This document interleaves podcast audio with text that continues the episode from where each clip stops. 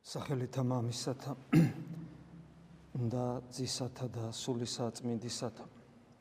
დასრულდა ნიშნულოვანი ეტაპი ბნების შვიდეულისა დღეს დიდი ოთხშაბათია და ხოლე უკვე მოგეხსენებათ არის საიდუმლოს ერობის დღე.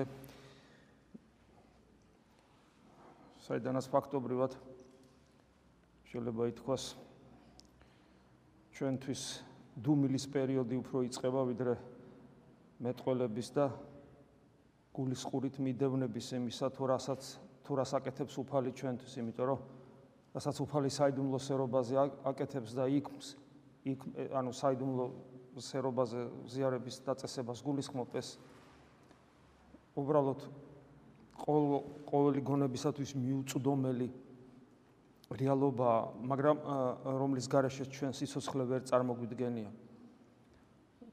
ზიარების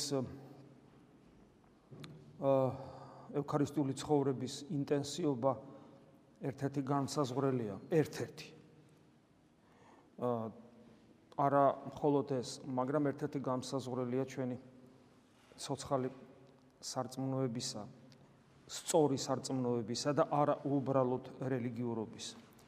რელიგიურობის რელიგიურობა უბრალოდ რელიგიურობა რომ სულაც არ ნიშნავს ქრისტიანობას ამას დღევანდელი დღეც გვიჩვენებს ჩვენ იუდას მაგალითს. აი ნახეთ იუდა რომელიც სტელი სამწელიწად ნახევარი ო ადვილი არ იყო უფლის მოწაფეობა მოგეხსენებათ ყველაფერი უნდა დაგეთმო ყველაფერი უნდა მიგეტოვებინა, რომ უფლის მოწაფე ყოფილიყავი და მთელი შენ წარსული ცხოვრება. და ბუნებრივია, რომ ამას ადამიანის შინაგანი, ამას შინაგანი რესურსიც სჭირდება და რესურსი მოვიაზრებ უანგარო დამოკიდებულებას იდეისადმი, რომელსაც ჩემს ემსახურები. მე სპეციალურად თქვი იდეისადმი და არა ქრისტესადმი, იმიტომ რომ მე როგორც აღმოჩნდა იუდა ქრისტეს ვერ ხედავს. იუდა იდეა იუდას იდეა აქვს. დღეს ღვთისმოწყალები ბევრს ჯოლობენ თუ რა იდეა ქონდა იუდას და რა დაემართა მას. ეს საინტერესოა იმდენად რამდენადაც ყველაფერი ხო ჩვენთვის დაიწერა და ჩვენ ყოველ ზიარების წინ რა გვახსენდება ერთ-ერთი? იუდა. არა ამბურს გიყვებით არცა იუდა. ჩვენ ღმერთს ვევედრებით რომ იუდას როლში არ აღმოვჩდეთ მაზიარებელნი და ყოველი ზიარების წინ ვიხსენებთ ამას. ეს ნიშნავს იმას რომ ეს საფრთხე ყველა ჩვენგანს ემუქრება. აქედან გამომდინარე რა თქმა უნდა საინტერესოა თუ რა დაემართა იუდას სხვადასხვა ვერსიებია, სხვადასხვა ღვთისმეტყველთა სხვადასხვა პასუხებია, განჟი განმარტავენ, ფიქრობენ, თქვათ, თავის აზრებს წარმოთქვავენ, მაგრამ თლიანობაში მაინც ერთი პასუხია, რომ ბოლომდე ეს არავინ არ იცის. იმიტომ რომ ასეთ უგუნურობას და ასეთ ბოროტებას, რომ ქრისტესთან იყო სამწელიწად ნახევარი და საბოლოო ჯამში მე ეძებდე ჟამსა მარჯვესა, რომ გასცე იგი, როგორც დღეს ჩვენ сахарებაში აღმოვიკითხეთ. ახლა როგორ ამთავრებს? ესე იგი მოციქული, მოციქული ამთავრებს ესე ეძებდა ჟამსა მარჯვესა, რათა მისცეს იგი. რა საოცრება, რა საშინელებაა წარმოიდგინე. და სამწუხაროდ ეკლესიის ისტორიაში იუდა არ ყოფილა უკანასკნელი, ვინც ესე დაამთავრა. ეკლესიის ისტორიას თუ წაიკითხავთ, საინტერესოა, საერთოდ ეკლესიის ისტორია ძალიან საინტერესოა. ჩვენ ხშირად ვარდისფერი სათვალებით უყურებთ ხოლმე ეკლესიის ამ სოფლად მსხემობას და ამ სოფლად მის მყოფობას და მწირობასაც, მაგრამ ეს ასე არ არის, იმიტომ რომ ეკლესიას თავისი ეკლესია ღმერთკაცობრივი ორგანიზმია, ეკლესიას თავის ადამიანური მხარე აქვს. და ეს ადამიანური მხარე დრამატიზმით და ტრაგიზმით ახსავსია. ამიტომაც გვიკვირს ხოლმე ჩვენ რო უყურებთ ჩვენს დღევანდელ ეკლესიას, მათ შორის საქართველოს მართლმადიდებელ ეკლესიას და მსოფლიო მართლმადიდებლობასაც ქრისტიანობასთან შეუთავსებელ ფაქტებს ვაწყდებით და ეს ჩვენ რწმენას ურტყავს. ეს იმიტომ რომ ჩვენ ეკლესიის ისტორია არ ვიცით და ჩვენ ვფიქრობთ რომ ეს რაღაცა განსაკუთრებული ხდება. როცა გადავხედავთ ეკლესიის ისტორიას დავინახავთ რომ ბასილ დიდი გახსოვთ როგორ ამბობს რომ ეკლესია ჩემს ხელს გავს ჩემს ხელში ერთი ადგილი არ არის ჯამთელი იმიტომ რომ ავანტყოფობდა ახალგაზრდა გარდაიცვალა და აი ჩემი ჩემი შეეულებით არის ეკლესია და კურნებას არ ექვემდებარება და გრიგოლ ღვთისმეტყველის გრიგოლ ღვთისმეტყველის საერთოდ ისეთ რაღაცებს წეს გული გაგისკდებათ უბრალოდ.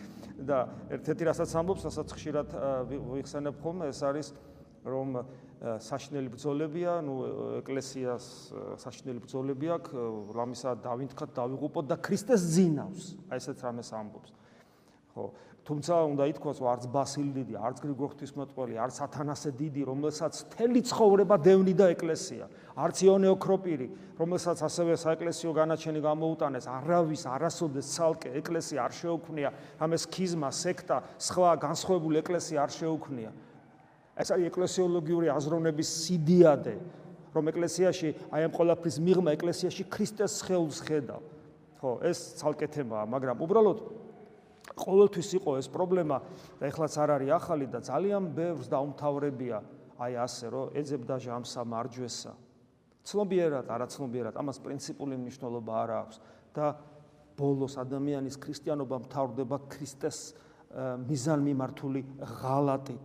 კიდევ ვიმეორებ, დეკლარირებულია ეს თუ არ არის დეკლარირებული. ამას პრინციპული მნიშვნელობა არ აქვს. თავარი ადამიანის გულის მდგომარეობა და ბუნებრივია, რა ჩვენ გვაინტერესებს, აი, რამე მიიყვანა იუდა ამ მდგომარეობამ. და კიდევ ვიმეორებ, პასუხი ბოლომდე ახსნილი არ არის ისე როგორც ეშმაკის უმაღლესი ერთ-ერთი ანგელოზის ქერუბიმის მდგომარეობა. აი, რატო რატო აღარ მოუნდა ღმერთთან ყოფნა? პასუხი არ არის. პასუხი არ არის. ნუ იუდასთან დაკავშირებით ფაქტია რომ მან ქრისტე ვერ დაინახა. ქრისტეს დაუნახაობა ჩვენ არ უნდა გვიკვირდეს, იმიტომ რომ ჩვენ ისეთ რეალობაში ცხოვრობთ, რომ ჩვენ ისე ვახერხებთ ქრისტიანობას.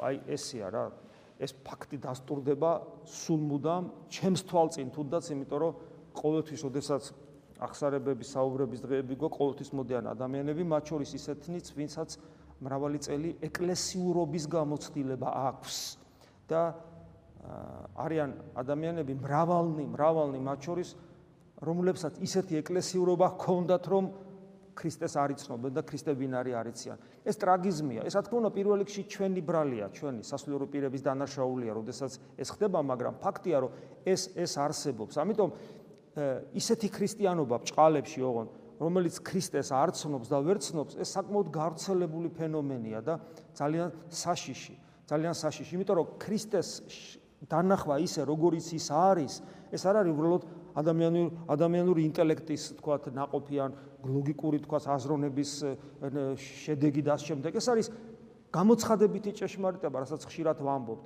გამოცხადება უნდა მივიღოთ, და მაშინ ადამიანი კითხვას დასვავს თუ გამოცხადება უნდა მიიღოთ მაშინ იუდამ რა დააშავა როცა მან ეს გამოცხადება არ მიიღო.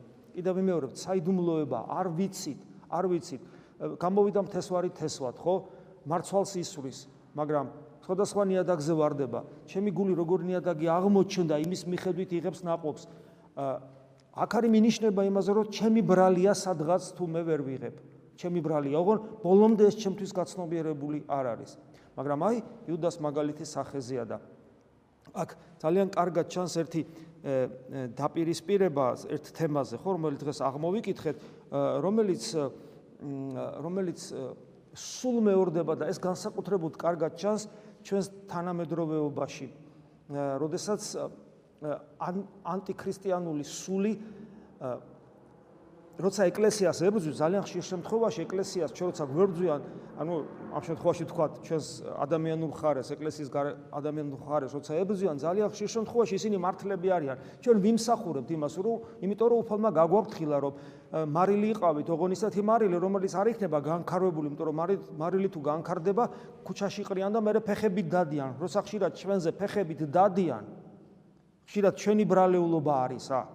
მაგრამ არის შემთხვევები როდესაც ჩვენზე კი არ დადიან ფეხებით ქრისტეს შეურაცხყოფენ და ერთ-ერთი გამოვლინება ამისის არის, როდესაც გული უსკდება და ეთუთქებათ, როდესაც ტაძარს აშენებენ, როდესაც ტაძარს ამშვენებენ, როდესაც ეს აქაც იყო, ამ ტაძარშიც მომხდარა ეს. თქვა და რა თუნდაც მეოთხე ტაძარი, რა თუნდაც მესამე ტაძარი და ასე აქაც ყოფილა ეს. აქაც არ ნუ შორ-შორ წასვლაც რო არ მჭირდება. მაგრამ დავანებოთ მაგას თავი. ზოგადად ეს პრობლემა არსებობს. და აი დღევანდელი სახარების მაგალითი ხო ძალიან მნიშვნელოვანია ამ კუთხით, რომ ესე იგი უძვირფასეს მირონს ეს ძალიან ძვირად ღირებული იყო, აი ძალიან ძვირად ღირებული, გაცილებით უფრო დიდი ფასი იყო ამაში, ზედაც გაცილებით ძვირი იყო ვიდრე ის 30 ვერცხლი, რომელიც მე იუდა მიიღო და როდესაც შეიმუსრება ეს ჭურჭელი და მარცხობას დაასხავენ, როგორი ჯერ მოციქულებს ყოველას აქვს ეს რაღაც პროტესტი პირველ ნუ ჩანს მოციქულების სისუსტეც, მაგრამ ყველა დაშოშმინდება ყველა გონს მოეგება გარდა იუდასი. იუდა იუდასთვის ბოლო წერტილი აღმოჩნდა ეს, ბოლო წერტილი აღმოჩნდა.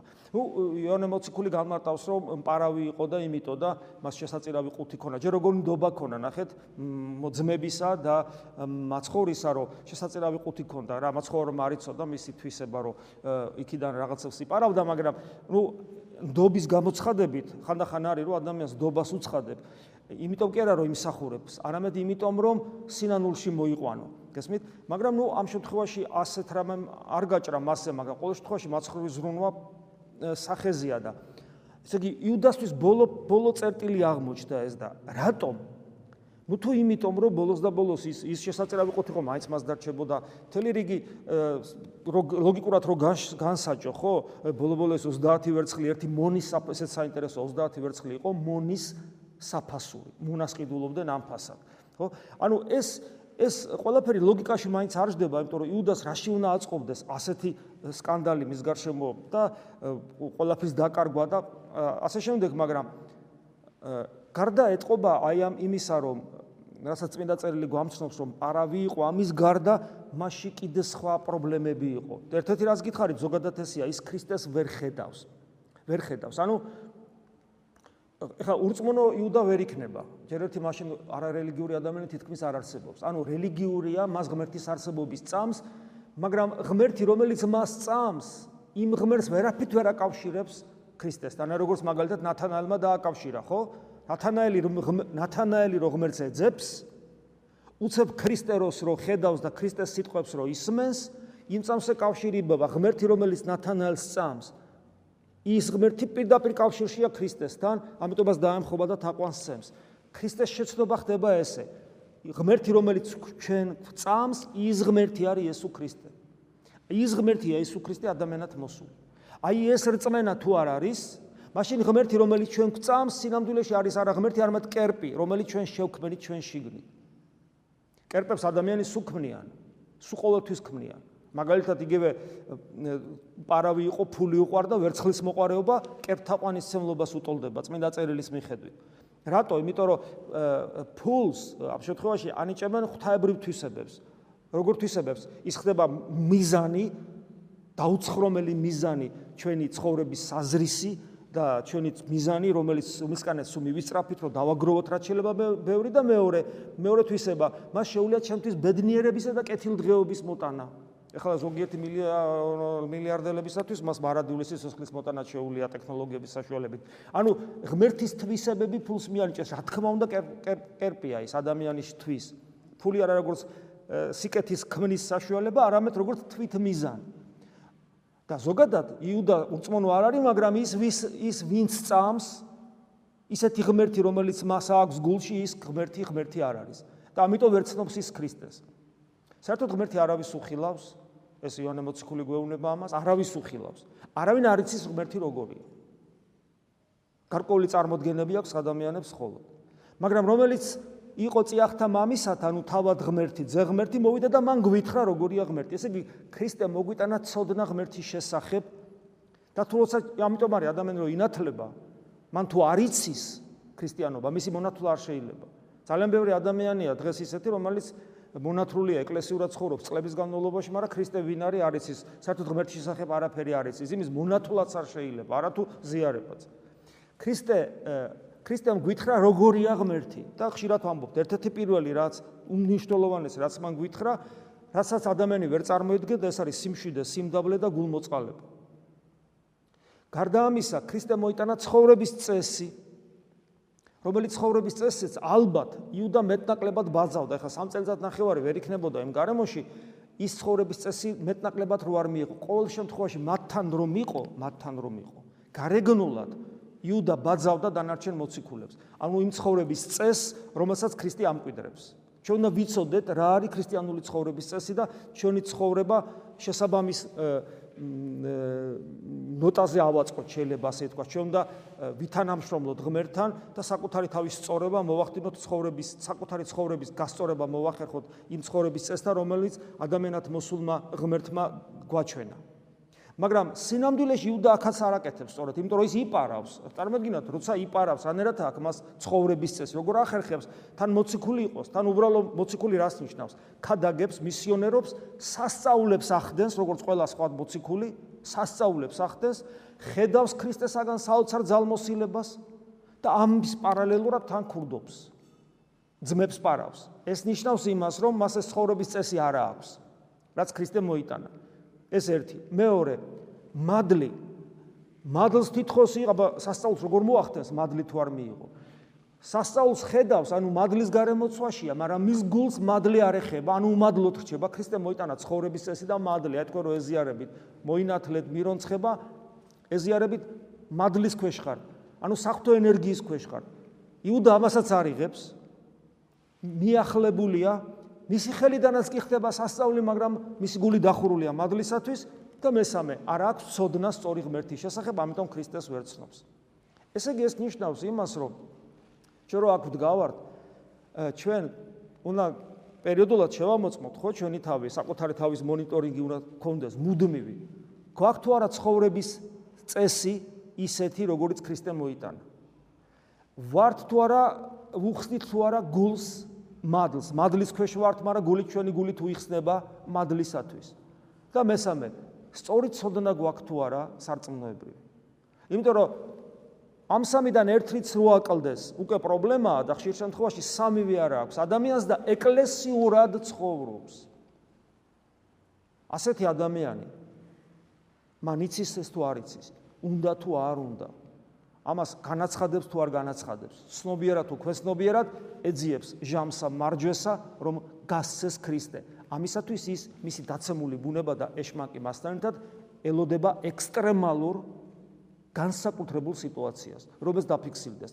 და როგორც კი ამას დააფიქსირებს, ის ქრისტეს მოღალატედ ჩაითვლება. მას ეს უნდა და თუ არ უნდა და იმიტომ რომ ის სამი რამ რაც რითაც ქრისტიანი გამოირჩევა საერთოდ ადამიანებისაგან, ყველა ადამიანი, ქრისტიანი სხვა ადამიანისაგან, იმით კი არ გამოირჩევა, რომ უფრო ზნეობრივები ვართ. არა, განსხვავებული ცხოვრების წესი. ოღონ ეს გარეგნულში კი არ ვლინდება, უფრო შინაგან მდგომარეობაში ვლინდება მადლის წყურბილი. როცა ადამიანი აი აქ მოდის და გეტყვის რომ მრავალი წელი არ ვზიარებულ ვარ. მე სულეუბნები რომ შენ ქრისტიანულად არასოდეს არ გიცხოვრია. იმიტომ რომ შეუძლებელი ადამიანს კონდეს განცდა ცოცხალი ღმერთისა და მან შეძლოს მრავალი დიდი ხნის განმავლობაში უზიარებელად გაძლოს. შეუძლებელია. არც და გიწყია. რაღაცა შეცდომა იყო დაშვებული, თავიდან უნდა დაიწყო. ეს ძალიან მნიშვნელოვანია. თუ რა თქმა უნდა ცოდნა, ცოდნა ამიტომ არის რომ სულ ყოველთვის არის მოწოდება ვიკითხოთ, ვიკითხოთ, ვიკითხოთ წმინდა წერილი, წმინდა მამები, ქრისტიანული ღვთისმეტყველების რაღაც გარკვეული წიგნები, იმიტომ რომ არ შეიძლება ღმერთი რომელიც მოვიდა და თქვა როგორია ღმერთი ჩვენას არ ვიცოდეთ. არა მარტო ის თქვა როგორია ღმერთი, არამედ მისი დამოკიდებულება ჩვენს მიმართ როგორია, ჩვენ როგორი დამოკიდებულება უნდა გქონდეს მის მიმართ, რა არის ჩვენი ცხოვრების საზრისი და ასე შემდეგ. ეს არის ძალიან მნიშვნელოვანი. ეხლა ტერმინოლოგიაც, აი ხა ამასინათ უსმენდი რაღაც ღვთისმოწყალთა შეკრება იყო და ну ხა იმას რა მოეთხოვება ერის კაცია, ბევრი არაფერი არ იცოდა, მაგრამ სუ საუბრობს, აი ჩვენ მარადილ სიცოცხლეში უნდა შევიდეთ, მარადილ სიცოცხლეში უნდა შევიდეთ, მარადილ სიცოცხლეში კარები დაგვეხურება თუ ჩვენ ესე იგი ცოდებისგან არ გავიწმინდებით, სუ აბსოლუტურად სწორია, მაგრამ საშიშია ასეთი მსჯელობა. სწორია, იმიტომ რომ შეცდომა არ არის მარადილ სიცოცხლეში სიცოცხლეში უნდა შევიდეთ, მაგრამ საშიშია, იმიტომ რომ იქ ქრისტე არ აჩანს. ამ სიტყვებს მარადულ სიცოცხლეში უნდა შევიდეთ. ამისათვის უნდა ჩვენში ვნებები დავამარცხოთ, ამას ნებისმიერი რელიგიის წარმომადგენელი მოაწერს ხელს. ქრისტიანობა ეს არ არის. ქრისტიანობა სხვა რამეა. ქრისტიანობა არის ის, რომ მარადიული სიცოცხლე, სასუფეველი თავად იესო ქრისტეა. და არა რაღაც აბსტრაქტული მარადიული სიცოცხლე. და იგივე ეხება რელიგიურობასაც. ესეთი ხატვარი არსებობს ნიკოლოს გე ჰე შეიძლება ქართულად. نيكოლოზ გე მას აქ რელიგიური ნახატების და არის ერთი განსაცვიფრებელი ტილოა მისი ესე იგი ერთ მხარეს არის ესე იგი საშნელი სამსჯავროს სურათია, როდესაც ქრისტე არის შეურაცხყოფილი და ნაცემი, ნაფურთხი, ხო, აფურთხებდნენ, ცემდნენ, შეურაცხყოფდნენ, დასცინოდნენ და მეორე მხარეს ჩანს პროცესია, პროცესია, რელიგიური პროცესია პასექის დღესა, როგორ ესე იწყება საოცარი რელიგიური პროცესია, ღვთის სადიდებელი და ამ დროს ღმერთს აფურთხებენ. ეს პრობლემა და ეს საშიშროება ყველა ჩვენგანს აქვს. რომ ჩვენ აი ესე რაღაცა რელიგიური დიდებულებით თკბებოდე და ამ დროს ჩვენს გულში ქრისტე ნაფურთხი გქონდეს. ამიტომ ეს სიტყვები ეძებდა ჟამსა მარჯვესა, რათა გასცეს იგი, არის საშიში სიტყვები, დამაფიქრებელი სიტყვები, ჩასაფიქრებელი სიტყვები. დაგვიფაროს უფალმა ეს იმიტომ კი არ დაიწერა რომ ჩვენ ხელები ჩამოვყაროთ, არამედ იმიტომ დაიწერა რომ უფრო მობილიზებული და ხნეთ ვიყოთ და ფხიზლად ვიყოთ, რომ ეშმაკისაგან ცდუნებული არ აღმოჩნდეთ და ჩვენი მხრიდან ეს მზაობა უნდა იყოს უფლის ერთგულებისა და დანჩეს მე უფალი აკეთებს, იმიტომ რომ მას თითოეული ჩვენგანი ძალიან და განსაკუთრებულად უყვარს. ამინ. მადლი უფლისა ჩვენისა იესო ქრისტესი და სიყვარული ღვთისა და მამისა და ზიარება სულისა წმინდისა იყოს თქვენ ყოველთა თანა.